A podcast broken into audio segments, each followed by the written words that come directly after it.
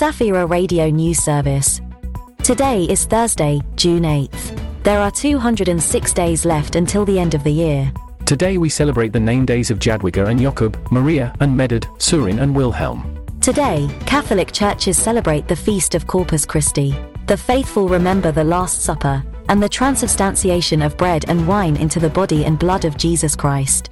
In Poland, Corpus Christi is celebrated on the Thursday after the octave of Pentecost. We also observe other holidays. In Poland, it is the Day of IT, and worldwide, it is World Oceans Day. Historical kaleidoscope. In 1533, the Sigismund Chapel at Wawel Castle was consecrated. In 1949, George Orwell's novel 1984 was published in the United Kingdom. Birthday calendar. Maria Innocenty Golbajowski, a Polish bishop of the Old Catholic Mariavite Church, was born in 1913. On June 8, 1916, Francis Crick, a British biochemist, geneticist, molecular biologist, and Nobel laureate, was born. John W. Campbell, an American publisher and science fiction writer, was born in 1910. News. The World Lutheran Federation supports 12 Ukrainian refugees attending school in Gliwice. Lutherans cover their educational expenses, and the children easily integrate with Polish people. The Catholic Church in Jerusalem is organizing an evening of peace and brotherhood at the Vatican.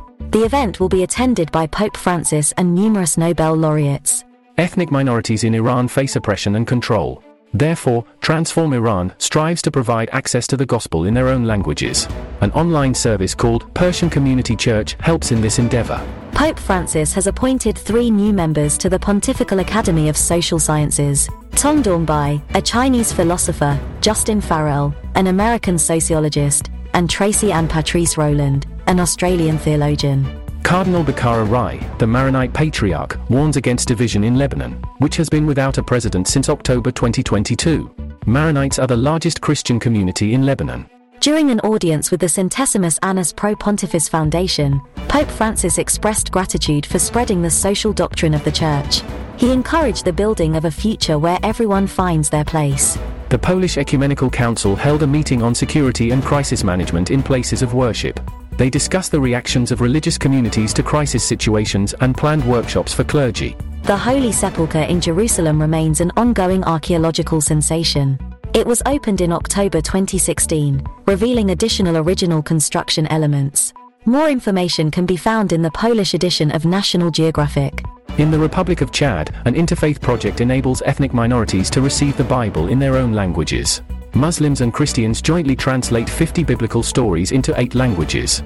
These were the most important news from today's Safira Radio News Service. May God bless us all.